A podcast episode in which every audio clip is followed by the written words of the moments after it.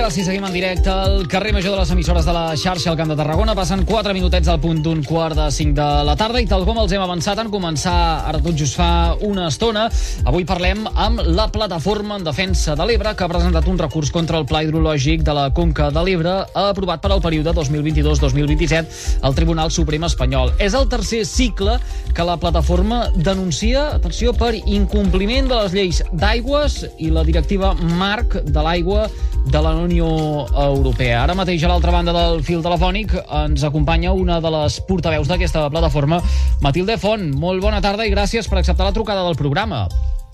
Eh, molt bona tarda a tots vosaltres i gràcies per la diferència de posar-se en contacte amb nosaltres.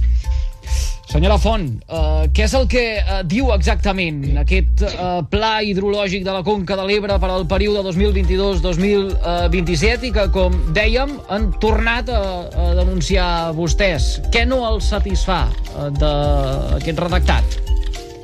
Bueno, el que no ens satisfà són moltes coses, entre elles que si fa no fa és exactament igual que els dos cicles anteriors, en quant a que eh, la immensa majoria de, de diners invertissin en regadius i en ampliació dels nous dels regadius que ara, en algun nou embassament que tenen previst fer i eh, que per al Delta de l'Ebre i per al tram final del riu Ebre, eh, o en definitiva per al riu, i per al Delta els diners invertits consideren que són molt pocs per a tota la problemàtica que tenen poder-la solucionar. Per tant, eh, és, un, és un pla hidrològic que, eh, si fa no fa, filosòficament és exactament igual que els anteriors i, a més, els problemes que ja n'hi havia en els anteriors no se solucionen com són, per exemple, la contaminació a les aigües de tota l'interior de, de, de l'Ebre i eh, bueno, tota la contaminació que hi ha de purins doncs esta, eh, no ha anat a menys, sinó que exactament ha anat a més. I per tant anem per mal camí. Senyora Font, no, no sé si eh, tot plegat s'accentua més encara, eh, donada la situació que estem eh, travessant, eh, situació de eh, sequera, eh, ens té tots amb eh, l'ai al cor, no pel que pugui estar passant a dia d'avui, sinó pel que pugui passar eh, eh, molt curt termini, aquest estiu mateix.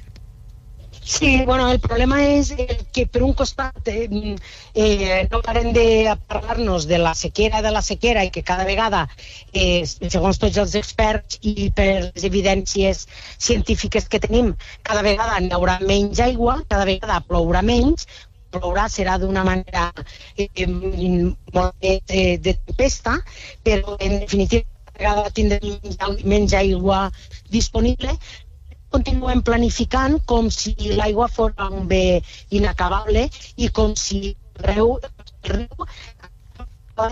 no que porta actualment ni la que se preveu que portarà a partir d'ara i no sé, eh, durant les dècades que vindran com si portava l'aigua de fa un segle. I això no és així, això no és realista.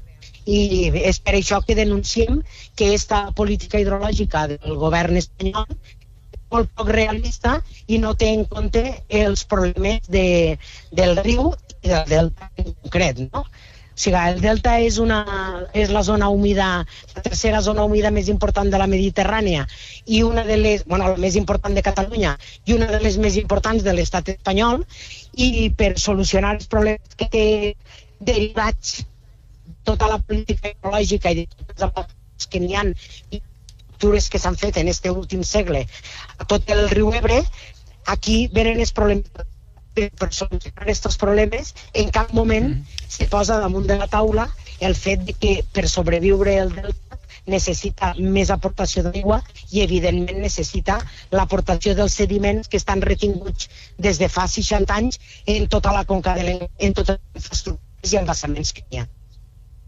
Senyora uh, Font, uh, uh, disculpi, uh, tenim algun petit problema de cobertura. L'estem escoltant pràcticament a la perfecció. Dic, dic pràcticament, però sembla que uh, hi ha alguna mancança en, en, en la telecomunicació uh, perquè alguna paraula uh, hem, hem perdut.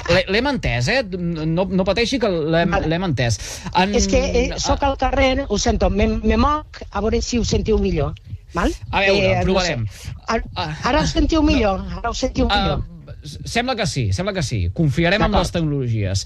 Uh, escolti una cosa, es, escolta, escoltant tot el que ens explicava, tinc la sensació que és com si ens situéssim pràcticament 20 anys enrere. Uh, no sé, recordo ara aquella sequera de principis dels uh, 2000 en què uh, vostès precisament uh, ja defensaven uns arguments com els que uh, a dia d'avui tornen a posar sobre la taula. No, exactament, nosaltres pensem que, que estem com a l'any 2008, en la sequera del 2008 per un costat, eh, eh, eh, mos parlen de sequera, de sequera, que, que no diem que no, no? Que, que és cert que cada vegada hi haurà més, i per un altre costat, pues, tota la planificació que se fa és eh, com si aquí no passara res.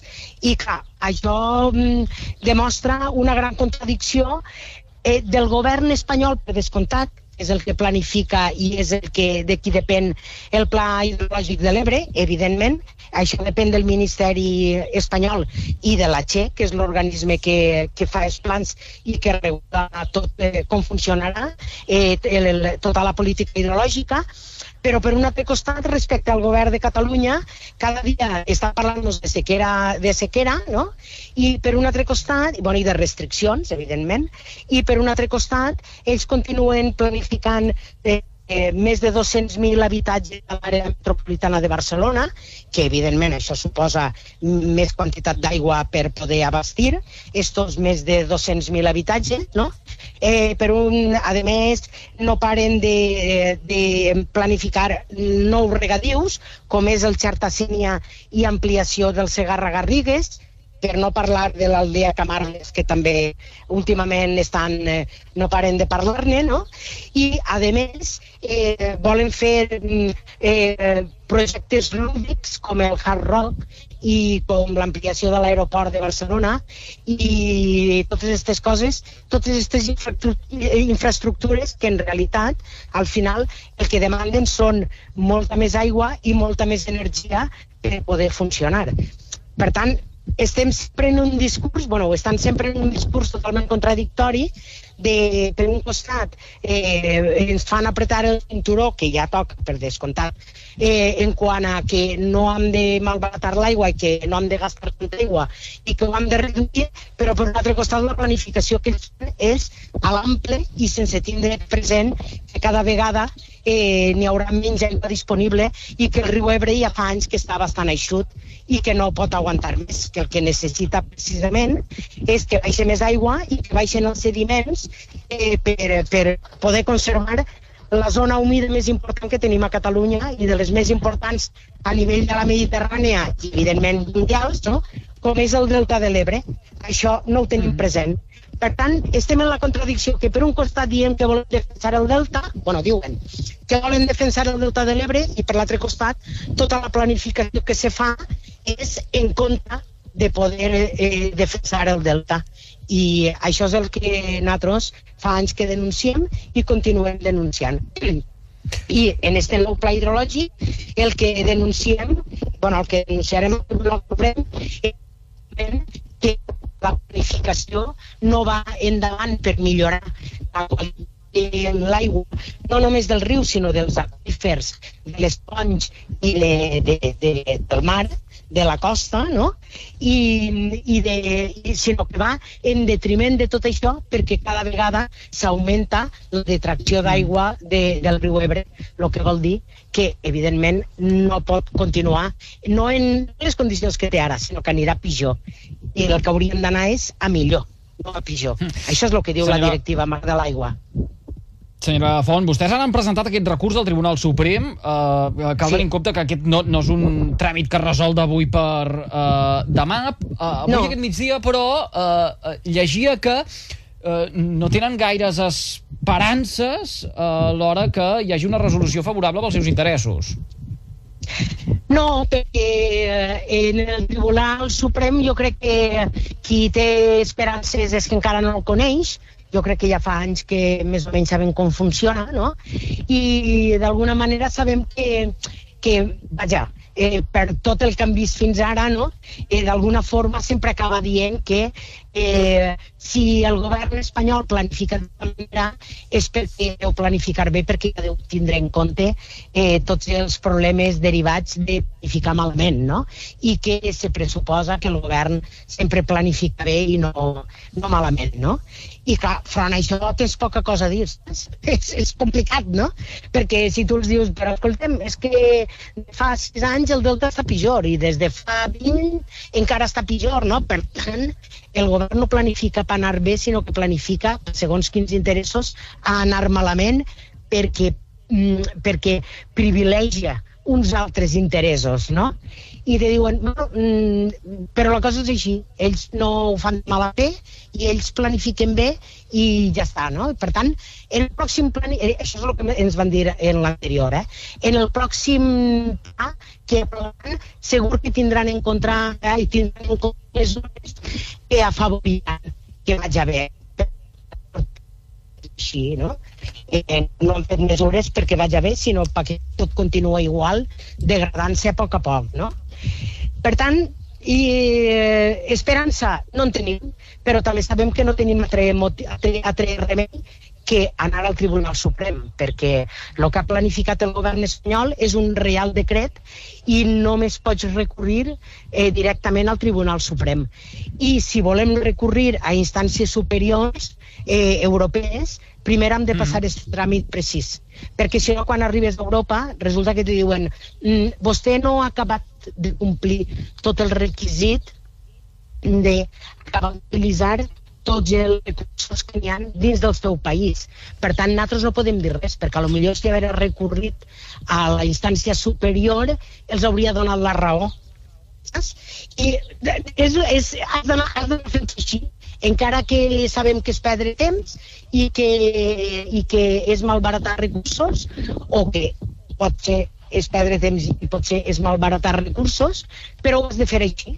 Si vols arribar a instàncies superiors, has d'anar pas a pas, no et deixem saltar-te cap pas intermig, no? I, per tant, no tenim més remei que ficar la, el recurs al Tribunal Suprem, que és el que han fet, evidentment. Hm. Tenen constància, eh, senyora eh, Font, d'alguna altra entitat, alguna altra plataforma que hagi eh, denunciat precisament el pla eh, hidrològic o, o, o es troben sols eh, al davant d'aquesta eh, lluita precisament per la preservació del riu Ebre?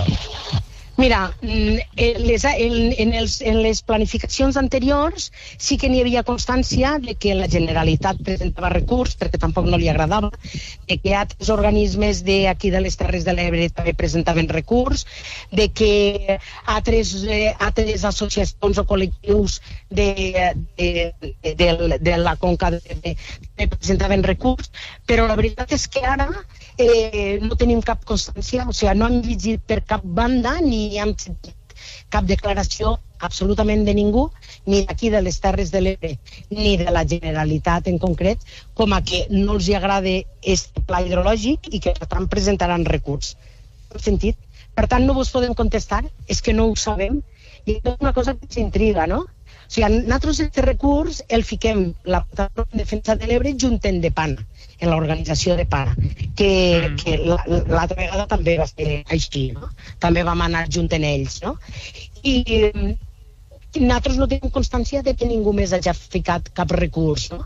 I la veritat és que això és una mica en la mosca al nas, no? Perquè diem, a veure, si resulta que quan parles a ningú li agrada la planificació, però després resulta que ningú fica cap recurs, del de, de, de Suprem que diran, bueno, del Suprem, del govern espanyol que diran, bueno, pues estan contents, no? Si no mos fiquen recursos, és que estan contents. Per tant, tranquils i continuem planificant igual, no? I ja està. I això és una que, que ens tranquil·litza, no? Que diem, a veure si som els únics eh, junt de pana, que som els únics que veiem eh, eh, tota aquesta barbaritat, no? I, no sé, estem expectants a veure si eh, n'hi haurà declaracions aquestes setmanes pròximes o aquests dies pròxims per part de la Generalitat o per part d'altres organismes o col·lectius que n'hi ha que són importants i que diuen defensar molt el Delta, a veure si també s'han posicionat i han presentat recurs, perquè el període ja ha acabat. Eh? Si no l'han presentat ja no, ja no tenen sí. opció. El termini acabava el, el 10 de- el 10 de- d'abril. Senyora Font, una, una última, una última qüestió. Uh, qu- quan veuen, per exemple, que uh, s'amplia, per exemple, l'aigua de, de l'Ebre a l'hora d'arribar en més llocs del, del nostre territori. Parlem ja de Camp de Tarragona, cap a Barcelona. Abans parlava, per exemple, del projecte del, del uh, Hard Rock. Um, quan veuen tot això, vostès són conscients de la problemàtica que hi ha eh, precisament en el, en, en el Delta, tota la, la conca de, de, de l'Ebre, aquesta que denunciava a, ara, i a més a més els tillen eh, d'insolidaris? Eh, què, els, els passa pel cap o com, com se senten? Bueno, mm, eh, es passa pel cap que la gent, que la gent i eh, bàsicament, que són els que més, els que més encaminen les polítiques, evidentment, que no són conscients que, que, bueno, que és important mantindre les zones humides, que és important mantindre el medi ambient, no pels animals, perquè n'hi ha qui diu oh, és que clar, per vosaltres, o per qui siga, no? Són més importants els animals que les persones. No, senyor és que si el medi ambient i les zones humides no les tenim en bones condicions, els primers que patim són les persones que, perquè augmenten les malalties. Això és una cosa que la OMS ja fa anys que ho ha dit, que les zones humides són les zones on més biodiversitat existeix i que quanta més biodiversitat tenim a, a la Terra, eh, més bones condicions de vida i de sanitat i de salut de les persones.